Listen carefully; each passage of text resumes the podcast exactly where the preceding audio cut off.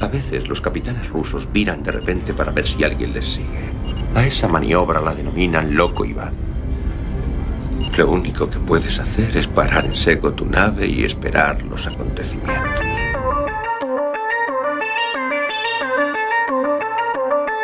Galaxy 347 of Space Patrol calling unidentified ship.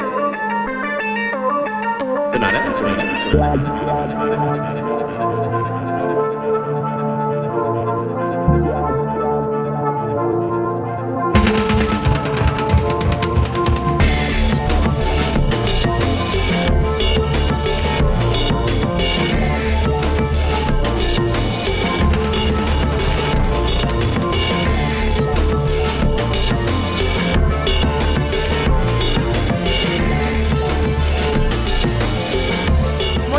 noite a todos e a todas. Os seus antigos transistores chineses non están estropeados, simplemente acaban de conectar co submarino soviético máis intrépido de todos os tempos.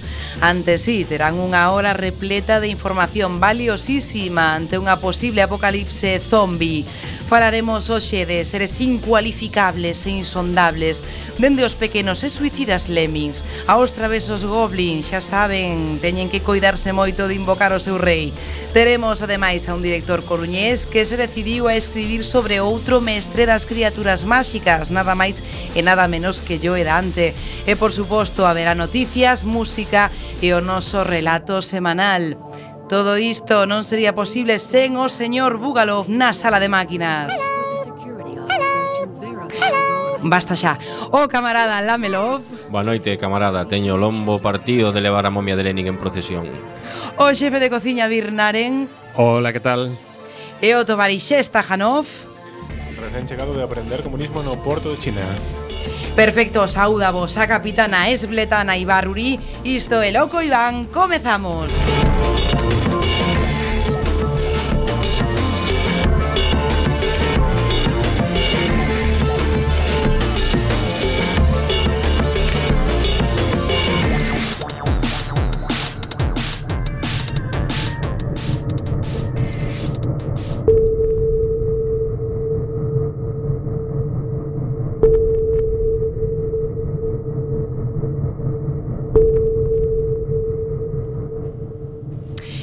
Imos en tempo a facer xa un repaso ás novas máis destacadas desta semana, xa saben esas noticias necesarias, pero que pasan desapercibidas para os medios capitalistas. Por certo, falando de noticias que deberían pasar desapercibidas, mandamos un agarimoso saúdo, xa sabe ela para quen é.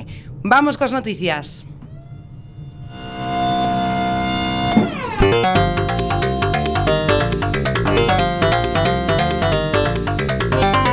FM. Loco Iván. Periscopio.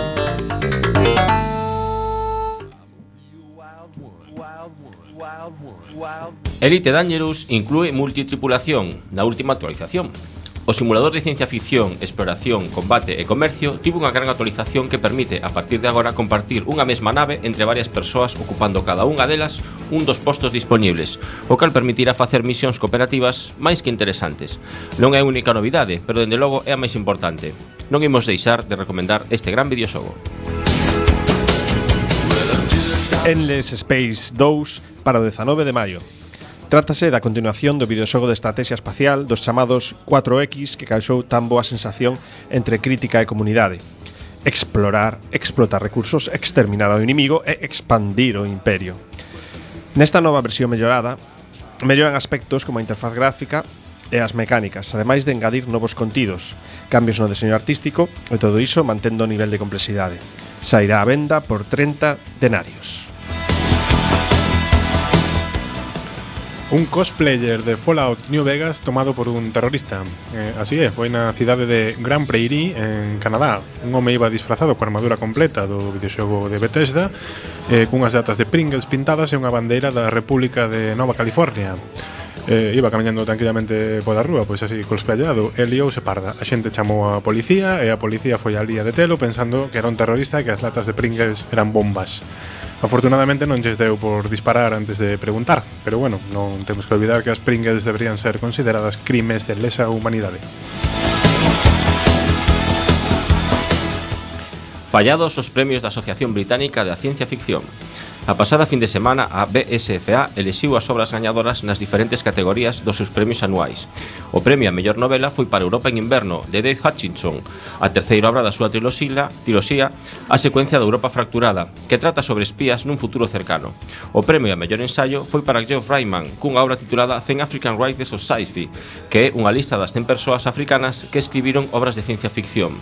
O premio a mellor relato curto levouno a escritora Jane Feng pola obra Liberty Bird e o premio a mellor portada gañouno a ilustradora Sarah Langton por Central Station. Disney descarta facer nigromancia digital con Carrie Fisher. A toda poderosa compañía capitalista vende confirmar que a princesa Leia non aparecerá no episodio 9 do Culebrón na galaxia moi lonsana. Así descarta a resurrección eh, CGI da actriz Carrie Fisher, falecida no 2016, no que xa se coñece como o ano da gran mortandade do, do famoseo. Visto mal rollo que daba o Peter Cushing digital en Rock One, case agradecemos que deixen descansar en paz a Leia Organa, a única integrante da realeza que toleramos neste submarino. Só queda agardar que este Nadal no episodio 8 lle dean o final épico e molón que merece, que a Terra lles esa leve. Xabarín Club cumple eh, 23 anos. Imos maiores. Imos maiores. Sí, imos maiores de carallo. O mítico programa de televisión de Galicia, que tivo toda unha xeración pegada á tele, estivo o pasado martes de aniversario e desatou oleadas de nostalgia. A porcina mascota, que foi debuxada polo noso paisano Miguel Anxo Prado, converteu en cultura popular galega Son Goku, Arale, o Capitán Planeta, as Tartarugas Mutantes, o mundo de Big Man e toda outra pila de series que encheron de gozos pequenos corazóns comunistas. E Parker Lewis. Nove Kingdom. Eh, Obra Sushi. Obra Sushi, que es Doraemon. Bueno, que pola nosa parte propoñemos que no 25 aniversario do programa se lle dedique o Día das Letras Galegas o seu creador, Suso Iglesias, que non está morto, pero merece o igual, por fuciños e por cacheiras. O portal de xogos asiático WeGame farase global para competir con Steam. WeGame é unha plataforma de xogos similar a Steam que xa conta en China con 200 millóns de usuarias activas, tantas como ten Steam actualmente en todo o mundo. Tencent, a propietaria da plataforma, pretende así ampliar o mercado, prometendo unha aposta forte pola realidade virtual e a inclusión de máis de 100 títulos novos de pago, especialmente enfocados ao Occidente. Outro punto destacado é que a web non dispón de ningún filtro, como actual Greenlight de Steam, garantindo así unha chegada masiva de títulos. A competencia sempre é boa. Demos unha forte benvida ás compañeras chinas. Chinos. Chinos.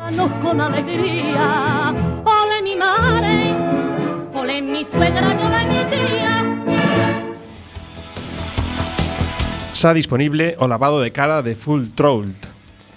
Non lembrades, é o clásico de aventuras de Lucas Arts publicado no ano 1995. Deseñado por Tim Schafer, incluía o característico sentido de humor de toda a súa obra. Agora decidiron darlle un lavado de cara, e o mércores pasado lanzaron unha versión remasterizada, con máis resolución, mellor son e outras melloras técnicas. Se non tivestes a oportunidade de probalo no seu momento, ou tes certa nostalgia, é un bon momento para probalo.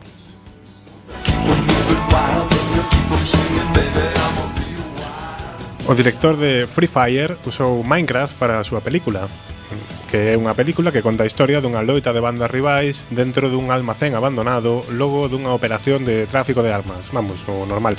A pelexa acaba por rematar nun xogo de supervivencia. Eh, para diseñar os escenarios, Ben Whitley, o director, empregou o Minecraft. Dicía que era máis doado que outras ferramentas máis modernas e de pago, como poden ser o SketchUp de Google. O certo é que vendo as imaxes no xogo e logo o almacén na peli, mm, vai que.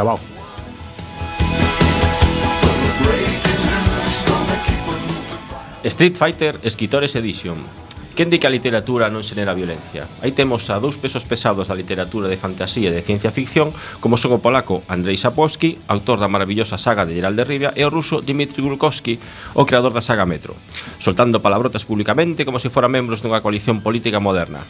Mais ben é Dimitri quen a solta porque dixo de Andrés que é un arrogante fillo de puta porque despreza os videoxogos. Logo de que o autor polaco dixera nunha entrevista que os videoxogos están a fagocitar o mercado literario polémica de alcance mundial semellante aquela que tiven eu convertín os Borne cando discutimos sobre se o manifesto comunista era prosa ou poesía. Hai máis ego nestes dous que nun cuñado facendo paella. Sea of Thieves presenta nova alfa. Rare Soft é a evolución dunha compañía de videoxogos lesendaria chamada Ultimate, tal vez unha das máis innovadoras na época dos 80, no Spectrum. A xente friki buril recordará títulos como Underworld, e Nailor ou Sabre Wolf. E tamén recordarán a teina técnica Filmation, que supuso toda unha innovación para a época. Agora preparan un xogo de piratas multixogador no que apenas están a falar, pero permitirá combatir eh, compartir aventuras de piratas facendo cousas de piratas, asaltar barcos, roubar, buscar tesouros, atracar en illas misteriosas, beber en lúgubres tabernas ou contratar obra pública. Esta fin de semana entrarán nunha nova fase alfa, o cal quere dicir que avanzan con vento nas velas.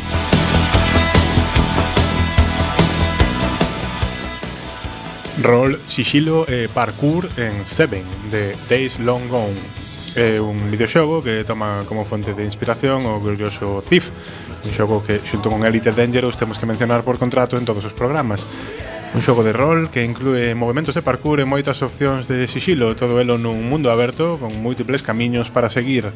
Acaban de lanzar un novo vídeo de promoción e xa nos pon os dentes longos, pero bueno, o certo é que calquera cousa que cheire a Thief aquí xa nos interesa. Sony fará serie sobre a roda do tempo. Xa vos comentamos noutra ocasión que estaban a negociar unha serie sobre a obra de Robert Jordan, A roda do tempo Unha historia de fantasía épica que, como lle pasou a George Martin, acabou por converterse nun culebrón interminable con 14 libros. Finalmente será Sony encargada de levar adiante o proxecto xunto con Rizigel Entertainment e Radar Pictures. O, produ o produto executivo, o produtor executivo vai ser Raz Judkins, ao que non coñecemos, aínda que foi responsable de outras series de Netflix como Helmut Grove ou Chuck, que tampouco coñecemos, como era de esperar.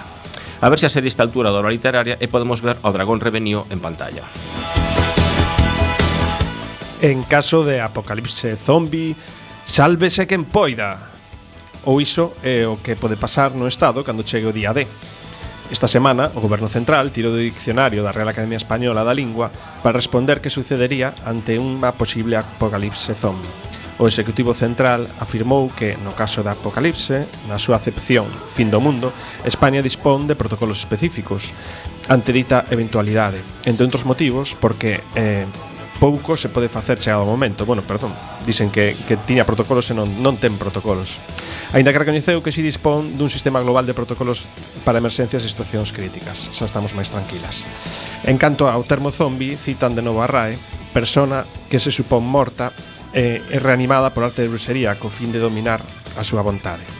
Polo que a justificación neste caso é que ante un hipotético apocalipse que sea protagonizado por este tipo de seres eh, non se adopta ningún tipo de protocolo específico dada a dubidosa probabilidade de que se produzan semellante circunstancia baixo tales premisas. Bueno, un rollo macabeo. Camaradas, nos polo de agora seguiremos mergullados no noso submarino pero compre mirar unha solución na Deep Web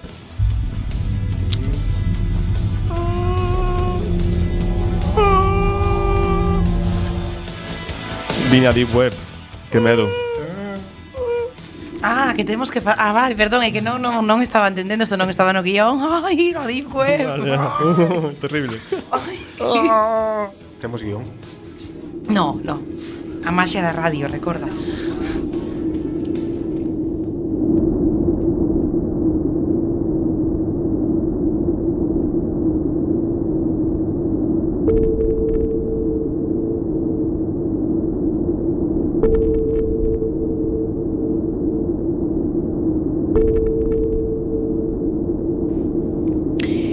Tras esta profusión informativa toca relaxarnos. Xa saben o rancio factito de que a música amansa as bestas ou as feras Supoñemos que tamén aos seres multitentaculares, os nucelares e os seres terroríficos en xeral. Imos á sala de radio onde nos espera o señor Bugalov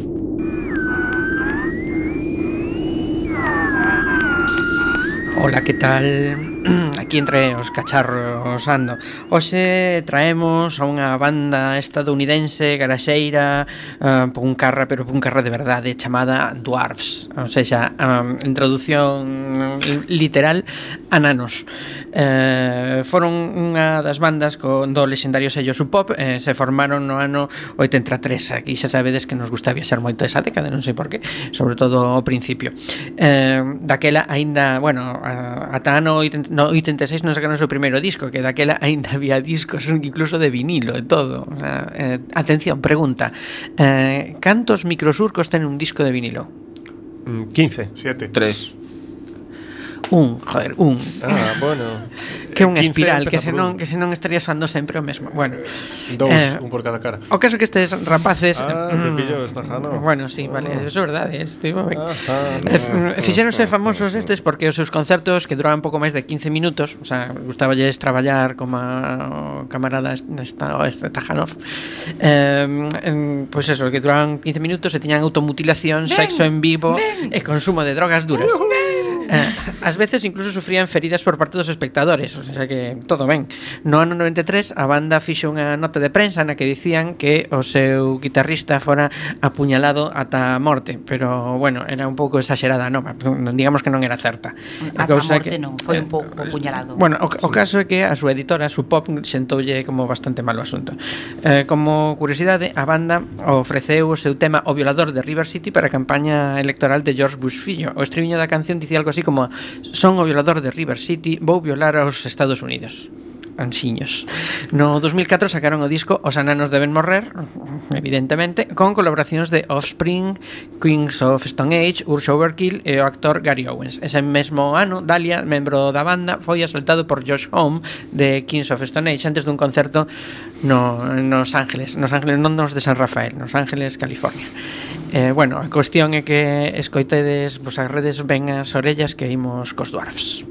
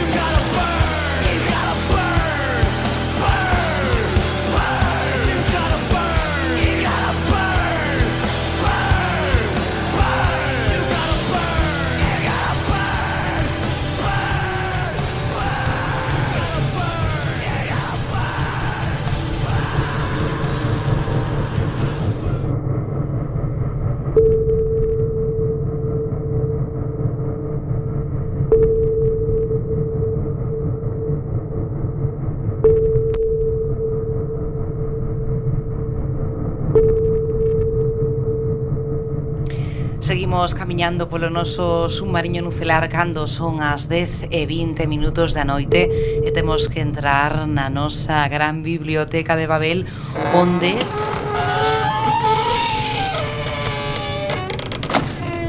A ver, esta Janov moito traballar, pero aquí a porta non há reglas. Eso é cousa de Birnaren, é o que ten o aceite. Tamén é certo. Eh, apunta aí, Birnaren.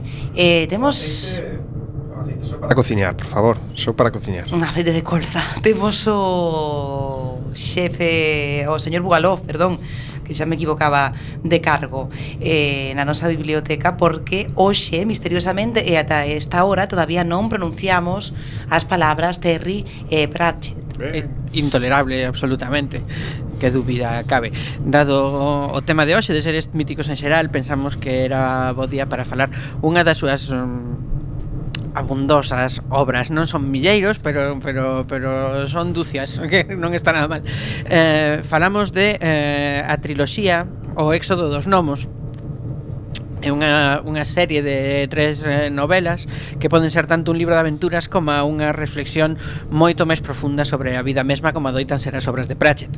Eh, conta a historia de Maskling, o último nomo mozo da súa tribu, xunto con Grima, que ten que coidar dos das anciáns mentres caza.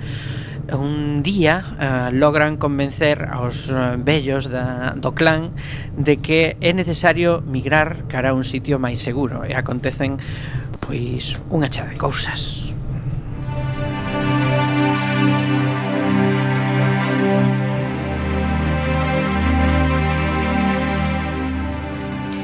Una de las criaturas de vida más efímera en nuestro planeta es la cachipolla adulta, una mosca que solo, que solo dura un día.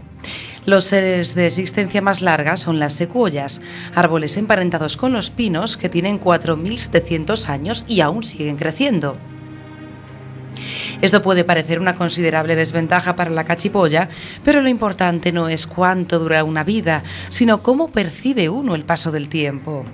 Puede que una cachipolla anciana se siente a lamentarse de que la vida en ese minuto ya no sea tan maravillosa como en los viejos tiempos de minutos atrás, cuando el mundo era joven y el sol parecía mucho más luminoso y las larvas le tenían a un poco de respeto.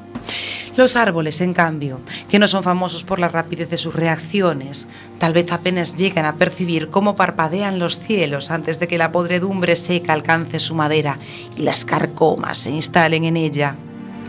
Todo se rige por una especie de relatividad. Cuanto más deprisa vive uno, más se prolonga el tiempo. Los gnomos viven muy rápido y el desconocido era un gnomo. Al menos así tuvo que aceptarlo más Klim. Desde luego tenía la talla de un gnomo y se movía como tal. Pero las ropas... El color básico de la ropa de un gnomo juicioso es el pardo.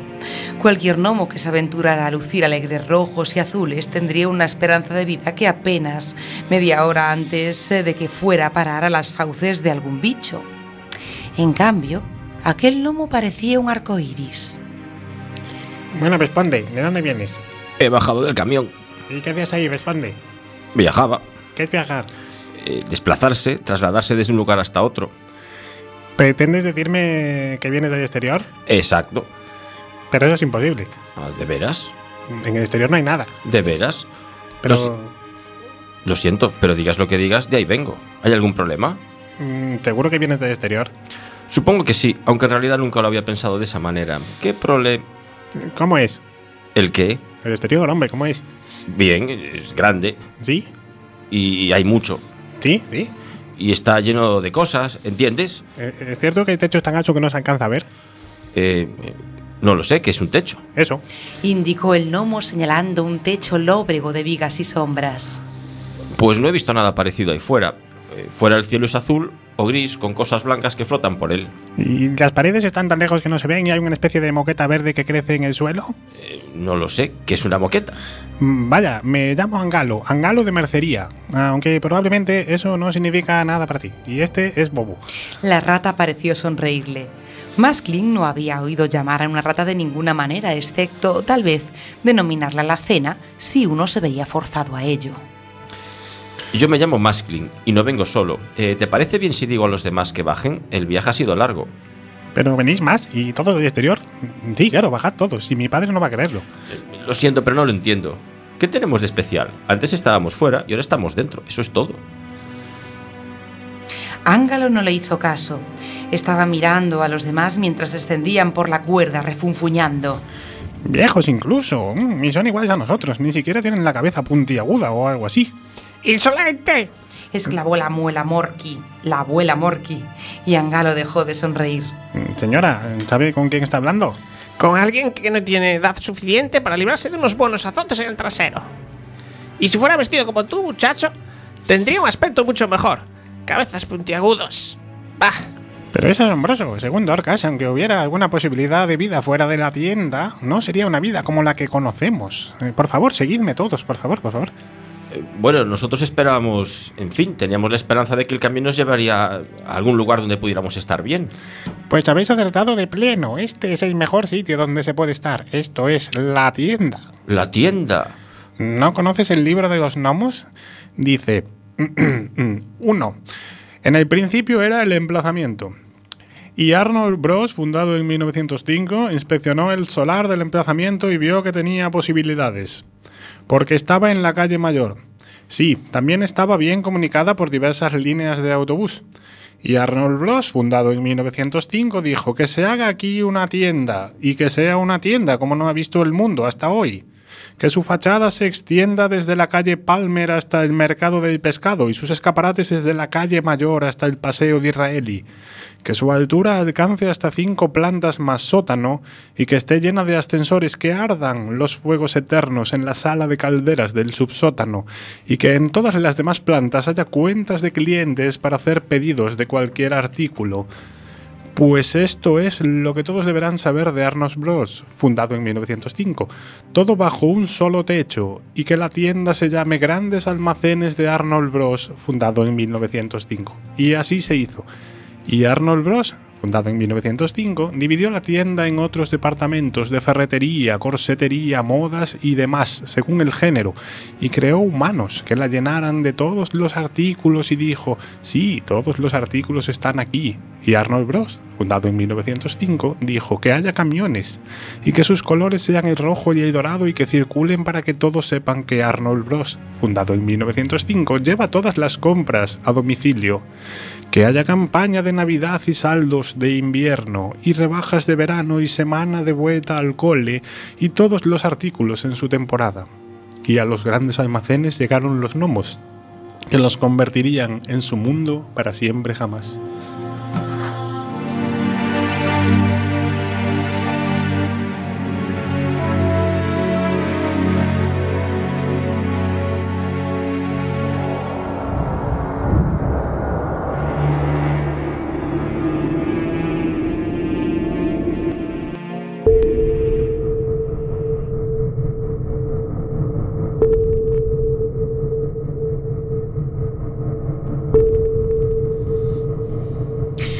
apaixoante relato e apaixoantes interpretacións nómicas. Hoxe, que falamos de seres míticos en xeral, temos que abrir a nosa escotilla para invitar a entrar a Álvaro Pita, crítico de cine, escritor, cineasta, músico, coruñés, e que recentemente acaba de publicar a primeira obra en español sobre un dos pais da ciencia ficción e dos seres extraños, o director Joe Dante. Falamos da obra da, de Joe Dante en El límite de la realidad, publicada por Appleheating Creaciones. Moi boa noite, Álvaro Pita. Hola. Bueno, vostede que estudiou dirección, creo, na Escola de Imaxe e Son de Somés, o autor de media dúcia de, de curtas e, e dunha longa de escombros, decidiuse facer un libro precisamente sobre outro director, sobre Joe Dante, como xorde esa idea e como realmente se materializa eh, en un libro. -huh. Bueno, sempre me gustou o cine de, de Dante, eh, parecíame un reto interesante indagar, eh, explicar por que o seu cine me parecía tan tan atractivo, eh, entonces empecé fai xa moito tempo a recabar información, eh, a contactar con Dante, cos seus colaboradores, eh, eh, nada, de, a partir de aí foi un proceso longo, Eh, y aí estamos, un libro de 700 páginas que recorre toda a filmografía de Joe Dante.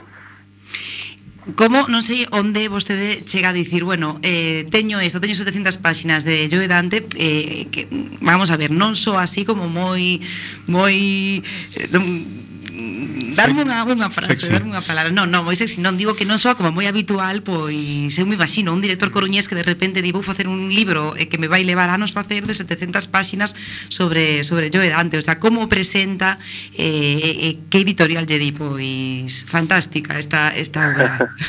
bueno, a, o libro eh, pasou por outras editoriales, eh, eh outras editoriales querían recortar. Eh, eu non estaba disposto, eh, bueno, eran editoriales máis grandes, ah, pero pero non non querían eh, presentar o libro en, en, to, en toda a súa integridade. Entón, tive moita sorte con esta editorial, que é unha editorial relativamente nova, Applehead, que en ningún momento me dixeron que recortase, gustoulle o libro, eh, non escatimaron tampouco en material fotográfico, etc. Eh, tamén antes disto propuxérame facer unha tese doctoral con co libro, pero eh, co condicionante de cambiar o idioma, non? E facelo en inglés, cousa que non tampouco me, me atraía moito, non?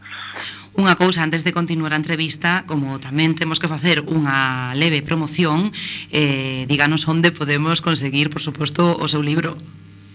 Sí, pois, a ver, eh, aquí en Coruña, neste momento, está en Alita Comics, eh, que Grandes hai tendas. deste programa. sí. Eh, en Cascanueces, eh, logo podese comprar tamén por internet, eh, Ven na páxina da, da editorial Applehead ou ven en, en Amazon ou en eBay. Álvaro, eh, xa antes eh, no inicio da, da entrevista adiantabas un pouco unha pregunta que te queríamos facer e que estábamos esperando con ansia que nos contaras como se pode chegar a, a falar e a tocar a, a Joe Dante. Sí, Bueno, eh, isto foi pouco a pouco, quero dicir, primeiro contactei con un dos seus colaboradores e a raíz deso nunha cadea pois cheguei a él, non? Eh, é unha cousa que eh, que quizáis non, non, non se podría ter feito eh, sen internet, non? Se, se isto se fixera o mellor 30 anos antes, sería, eh, sería moito máis difícil. Mira, as películas de, de Joe Dante certo que marcaron unha xeración incluso, o mellor, sen que esa xeración coñeza que, que o director das, das películas sí. que máis recorda eh, eh, é Joe Dante Vostede comezou esta, esta ambiciosa empresa, non? De facer estas 700 mm. páxinas po, mm. pois eh, casi como un mitómano ou, ou... Sí. decir, Bueno, eh, a ver, en, Eh, yo Dante é un director do que non se escribira moito en España, está é a prim, o primeiro, primeiro libro sobre, sobre a súa obra en español. Eh, eu realmente nunca nunca pensei que me levar, que me fora a levar tanto tempo e, e tanto traballo, non? Eh, o que pasa que conforme fun indagando, eh, estudando a súa obra, eh, decateime que, que, que a súa obra tiña todavía moita máis chicha da, da que cría, non? Da que uh -huh. cría. Hoxe incluso facendo un pouco a produción da entrevista estaba recordando todos os títulos de, de Joe Dante, había algúns que, vamos, que nin, que nin me acordaba eu que eran de, sí. de Joe Dante, ¿no? como esa película de Don Hanks, que era, non recordo ah, como ah, sí. era... No matarás al vecino en eh, España. Eh, exacto. En, en, en inglés The Burbs, que é unha película que se recibiu moi mal, eh, en, en Estados Unidos, tivo críticas terribles, eh, de feito eh, Joe Dante di que tivo as peores críticas eh, desde o Mein Kampf de Hitler, non? Eh, tivo críticas terribles eh, e, e tamén foi un batacazo en taquilla porque se estreou despois de, de Big de, ah. a, a Peyton mm. Hans que pola que estivo nominado ao Oscar entonces eh, a xente se esperaba outra cousa de Tom Hanks, pero co paso do tempo é unha película de culto, de feito hai varias páxinas eh, de, de fans, hai páxinas de internet na que falan da película, unha película con moitos, bueno, é moi típico de Joe Dante, eh, insertar moitas referencias e moi, moitos easter eggs ou mo, moitas mm, detalles pequenos e hai páxinas con foros, entendo, eh, con foros eh, indagando nesas, nesos pequeños detalles da película é unha película moito mellor valorada hoxe en día, non? Stajanov que pregúntates pro entrevistado. Sí, nada, que, creo que non o dixemos, non? pero os ouvintes son moi listos, pero por se acaso recordar que as míticas de Joe Dante son bueno, Gremlins. Sí, é eh, certo. Eh, gremlins, sí. eh, Chip Prodigioso, eh, bueno, Piraña tamén. Eh, tan míticas son que embelleceron ben que neste... Que ese sonido? Álvaro Pita, experto en Joe Dante, por favor, xa vos saben todo o mundo cal este sonido, pero... Eh... Sí, Pode sí, bueno, é, é, é, é, é o tema de Gizmo, non? Da, de Gremlins. Premio. Pero digo que tan míticas son e tan ben embelleceron que nestes tempos de, de nostalgia comercial ninguén está falando de facer un remake de Gremlins ou un perdínme. Bueno, o, o remake de Gremlins leva leva falándose tempo de facelo eh, pero sin Joe Dante, eh, quero decir, eh, bueno, polo menos non o chamaron para estos intentos que, que houve nestes últimos tempos de pero bueno, parece que non, non sai adiante non sei por qué en parte, eh, bueno eh, a película parte da gracia é o tema das, das marionetas dos efectos tradicionales eh, seguramente o se a película se trasladaría con efectos digitales eh, e eu creo que, que perdería parte do seu encanto non? É certo que, que, que hoxe en día, sobre todo no que nos referimos a, a películas de ciencia ficción, non hai, ou, ou bueno, polo menos o mellor é eso, que eu son unha viejuna, pero non hai xa ningún, ninguna personaxe que nos, non sei, que nos esperte aí o, o que nos mova aí a patata como, como, como calquera das, das, ah. das de Dante, non? Bueno, eh, non sei, Eh, a mí non, pero pero non sei. Ahora mesmo, bueno, eh, hai, hai certa nostalgia hacia os anos 80 e fanse cousas como Stranger Things e eh, tal, eh, pero é verdade que, mm, que faise todo desde unha perspectiva mm, moi nostálxica e moi pouco innovadora, digamos, non? Dante é unha personaxe que, que lonxe de, do que poida pensar unha, unha persoa estirada é un mestre recoñecido eh, non só polo Festival de, de Sitges senón tamén por un director que digamos que non ten ninguna dúbida como, como Steven Spielberg non? non uh -huh. sei se nos podía comentar un pouquiño eh, sí. algo sobre esa, sobre esa unión temporal Sí, nada, bueno, es, eh, eh, Joe Dante, de, nos seus inicios, fixo dúas películas baratas, Piraña e, e Aullidos, eh, el tiña un non vivía moi ben, tiña un despacho bastante mogriento e tal, e ali chegoulle o guión de Gremlins, eh, claro, el creía que, que se, porque viña firmado Steven Spielberg, el creía que se trataba unha broma, non? Pero de feito a Spielberg gustaralle gustaralle Piranha ata o punto de de falar ca Universal para que non para que non demandasen a Dante por plagiar eh, por plagiar Tiburón, porque Piraña é de feito un, unha especie de, de versión barata de, de Tiburón, non? Eh, de feito tamén lle gustara Aullidos ata o punto de contratar a de Wallace Stone, a protagonista de, de Aullidos, para para protagonizar este, bueno, para facer da, da nai de, de Elliot en ET, non? Uh -huh. Entonces, eh, lle chegou este guión, el se creía que era unha broma, pero eh, pero ao final, bueno, fixeron Gremlins.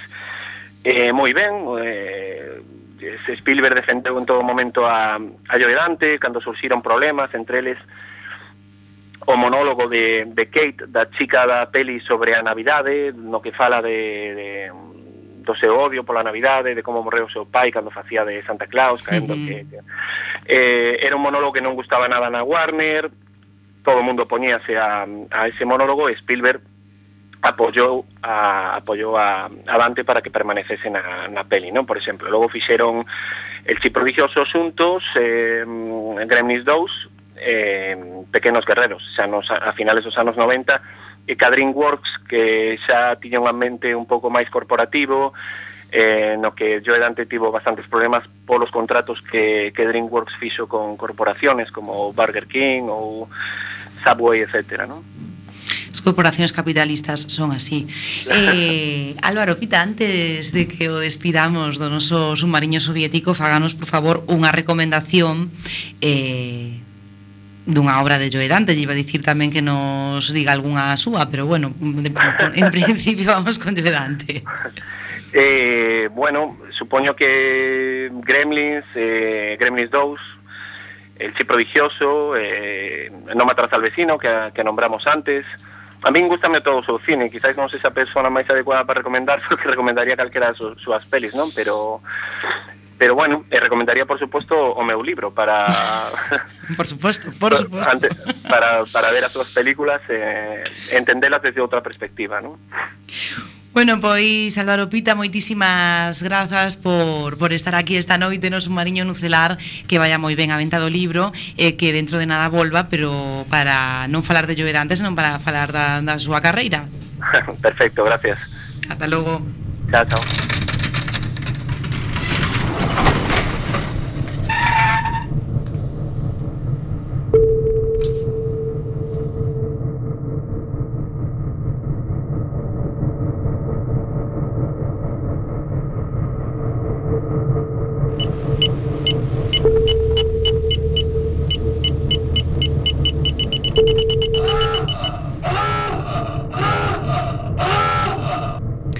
Cando son as 10.40 minutos da noite, seguimos adiante coa nosa travesía nucelar polas augas da Coruña. Eh, vamos a facer xa a nosa inmersión, xa saben o tema do día, eses seres míticos, nucelares, multitentaculares, terroríficos. Vai falar o señor Lamelov de todas estas criaturas, criaturas que non coñecemos eh, no mundo dos videoxogos. Efectivamente, nos videoxogos a verdade é que están íntimamente ligados a criaturas así misteriosas, terribles e rarunas porque unha das características dos videoxogos é precisamente a imaginación, no de eh, vivir aventuras pois pues, que non podes vivir na realidade, pois pues, eh, con criaturas que tampouco están na realidade, aínda que na realidade hai criaturas peores, todo todo hai que dicilo, non? Mm. Ananos, cobol, robots, seres mutantes, orcos, pocolloses, viúvas e bispos, por Villaratos. exemplo, non son series así bastante, digo, seres bastante bastante despreciables. Aparte hai certos pocolloses especialmente eh, molestos, non? Mm. Bueno, pois eu quería falar dun videoxogo bastante descoñecido como sempre.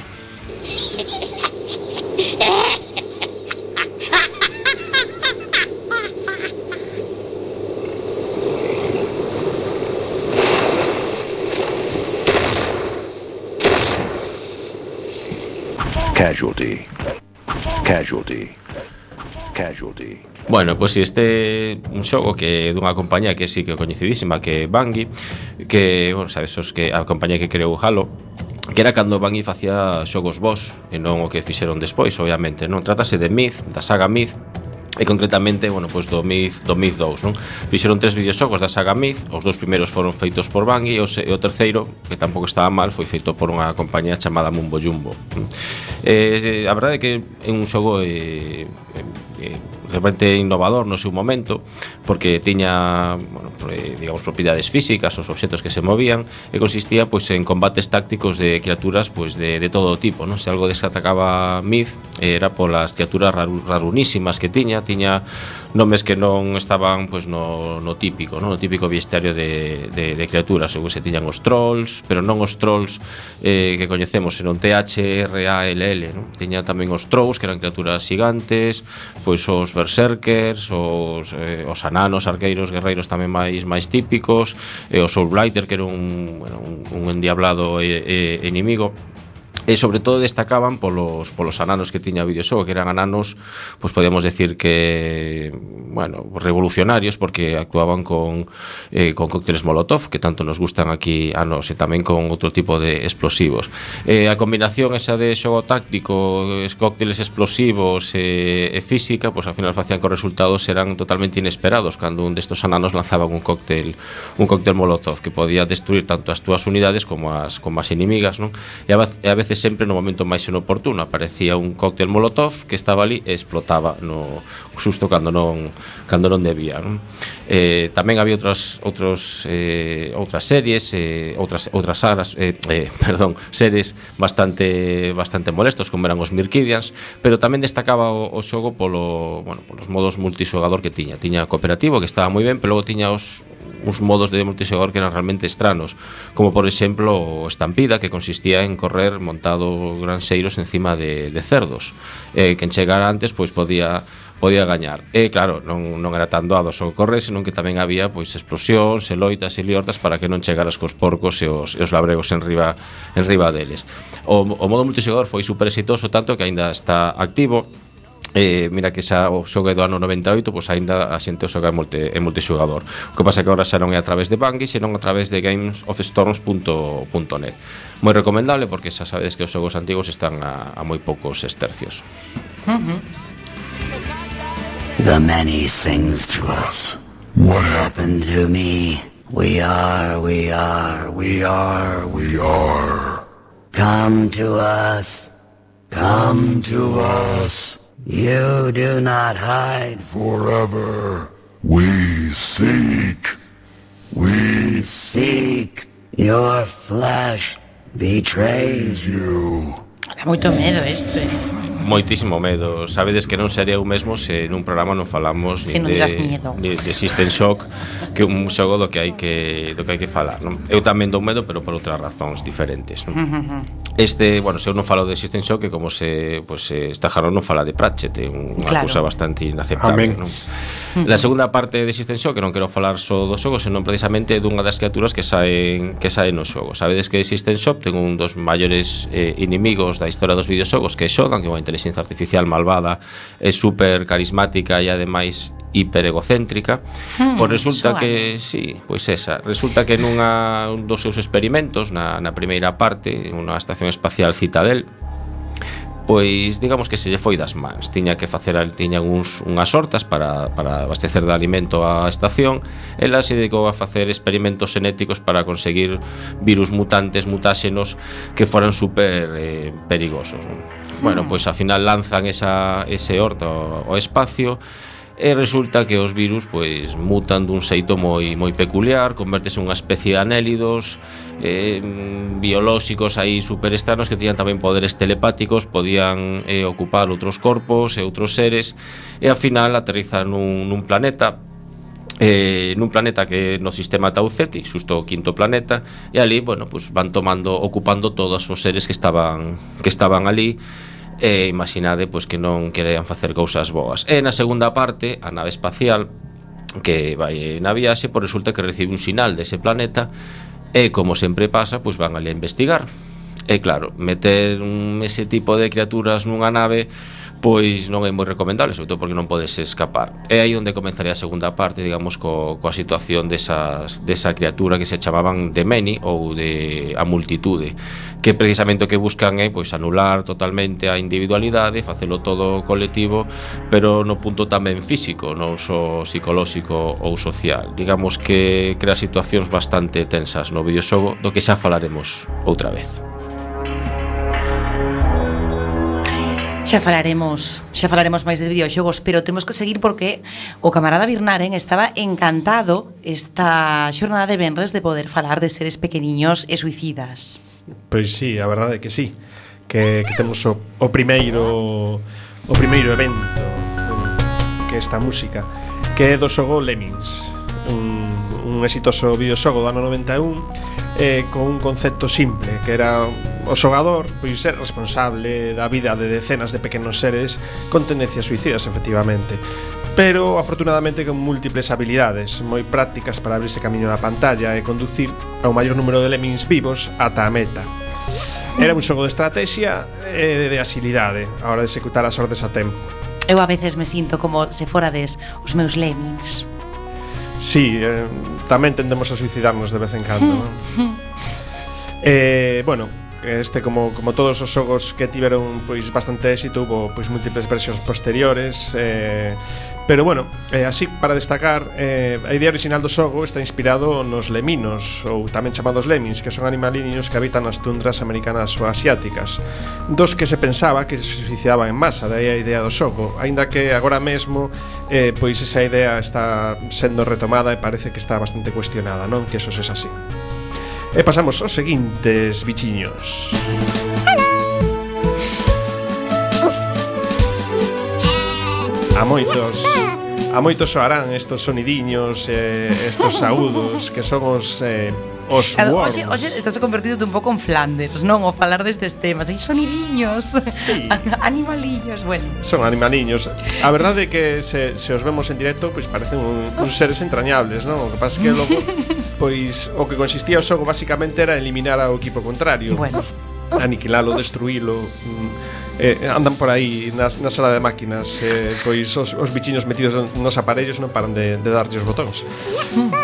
Eh, entón, pois este xogo basicamente consistía en pois que asa un montón de miñocas non? que en realidade son miñocas que andaban pola pantalla e cada equipo pois a través de diferentes armas tiña que, que destrozar a, o inimigo. Ese. Ah, tiñan algo que decir aquí o señor Stajanov sí, me memorable a ovella explosiva eh. Efectivamente, a abella explosiva era un arma tamén. Soe pasar coas ovellas, sí. E acabamos pois falando de uns seres Los pois, pitufos maquineros. Sí, máis ou menos. Estamos a falar dos kobolds que, bueno, poderían falar así.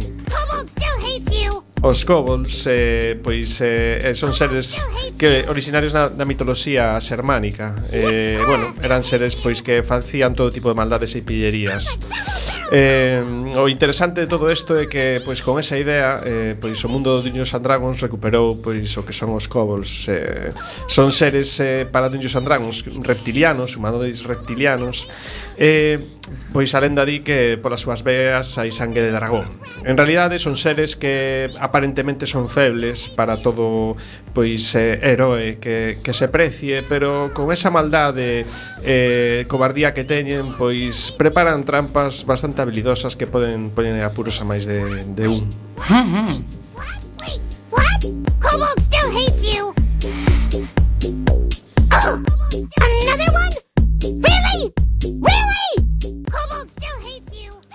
Afortunadamente, agora que podemos mm, acabar cos, coa vida dos kobolds, eh, seguiremos eh, co camarada Stajanov que tamén nos ten que contar moitas máis cousas sobre seres míticos.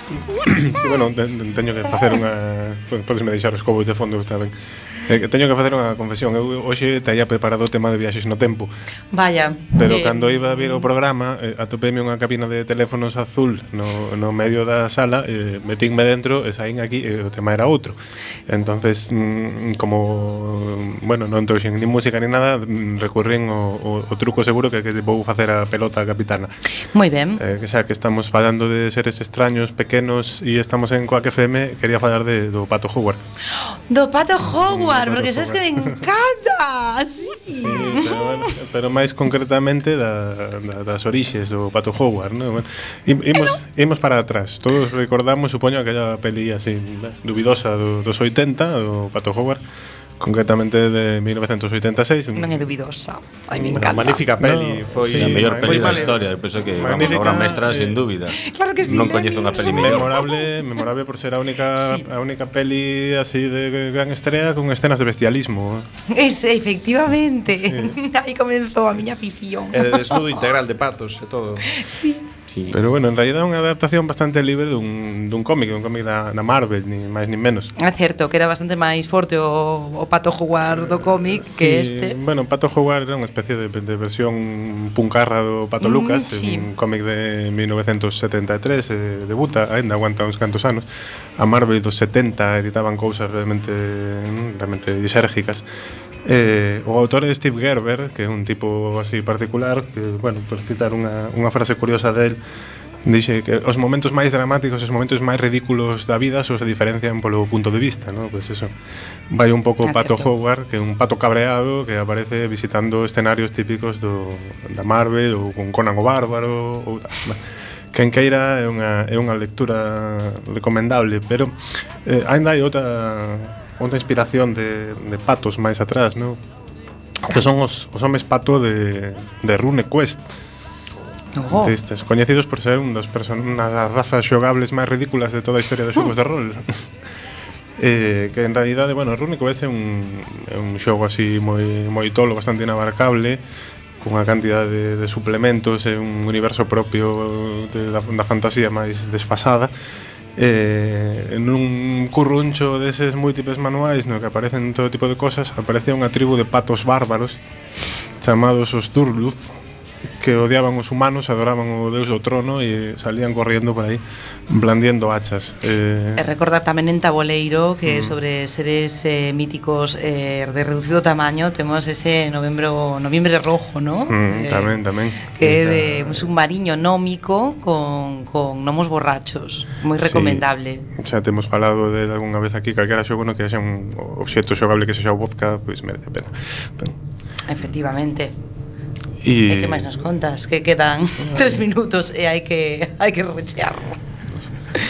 Quedan dos minutos. Bueno, pois pues, eh, collendo, collendo seres inenarrables eh, traducidos á ficción, conto vos outra, outra historia que tiña no, no caixón. É a, a do Demogorgon, que se fixo moi famoso agora por... Un momento, teño que parar un momento o programa porque quen está no submarino tocando eh, tocando un molígrafo é o enriquecedor de uranio. Eu non uso bolígrafo, uso uso plutonio, xa sabe. Bueno, pois pues que non se volva a repetir vai ser xa o tempo de acabar, pero bueno, mm, di dúas cousas máis e non toques nunca máis ese bolígrafo. Corta, du, corta man máis. inmediatamente. Dúas cousas máis. Eh, falando de seres inenarrables, o, hmm. o Demogorgon era o bicho malo de Stranger Things, esa serie que nos puxo a todos nostálxicos. Mm. Bueno, pois pues, xa me teredes visto por aí, pero en realidad está basado noutro monstro moi ridículo da historia dos xogos de rol, o Demogorgon de Dragóns e Mazmorras. O príncipe, demonio e señor de todo que nada na escuridade, segundo o título oficial que non tiña nada que ver co da serie. Era un bicho eh, de 5 metros de alto, con dúas cabezas de mandril, pescozo de serpe, corpo de ra, e unha cola bífida. E, mm, era famoso porque os xogadores primeiro se rían del e logo morrían todos. Pero facía toda clase de maldades como envenenar, dominar mentes, eh, roubar vida e era inmune a todo o que lle tiraras diante, o sea, que era famoso porque cando alguén te metía un demogorgon nunha partida, non te quería ben. Eh, eh non falamos de Fraggle Rock. Non, nin de Fraga. De Fraga Rock tampouco, pero Pois pues da igual, da igual, non se pode no, falar de nada porque xa vai pero, empezar pero capitana. o xa é o final, non fastidiedes home, pero que venres. Non escoitades que están as ordas de, de Lemmings cantando. Os Lemmings. Bueno, sexan moi, moi, moi felices. Beban vodka con moderación e nos vemos o venres que ven aquí a mesma hora, as 10 en Coac FM. Moitas gracias por escoitarnos.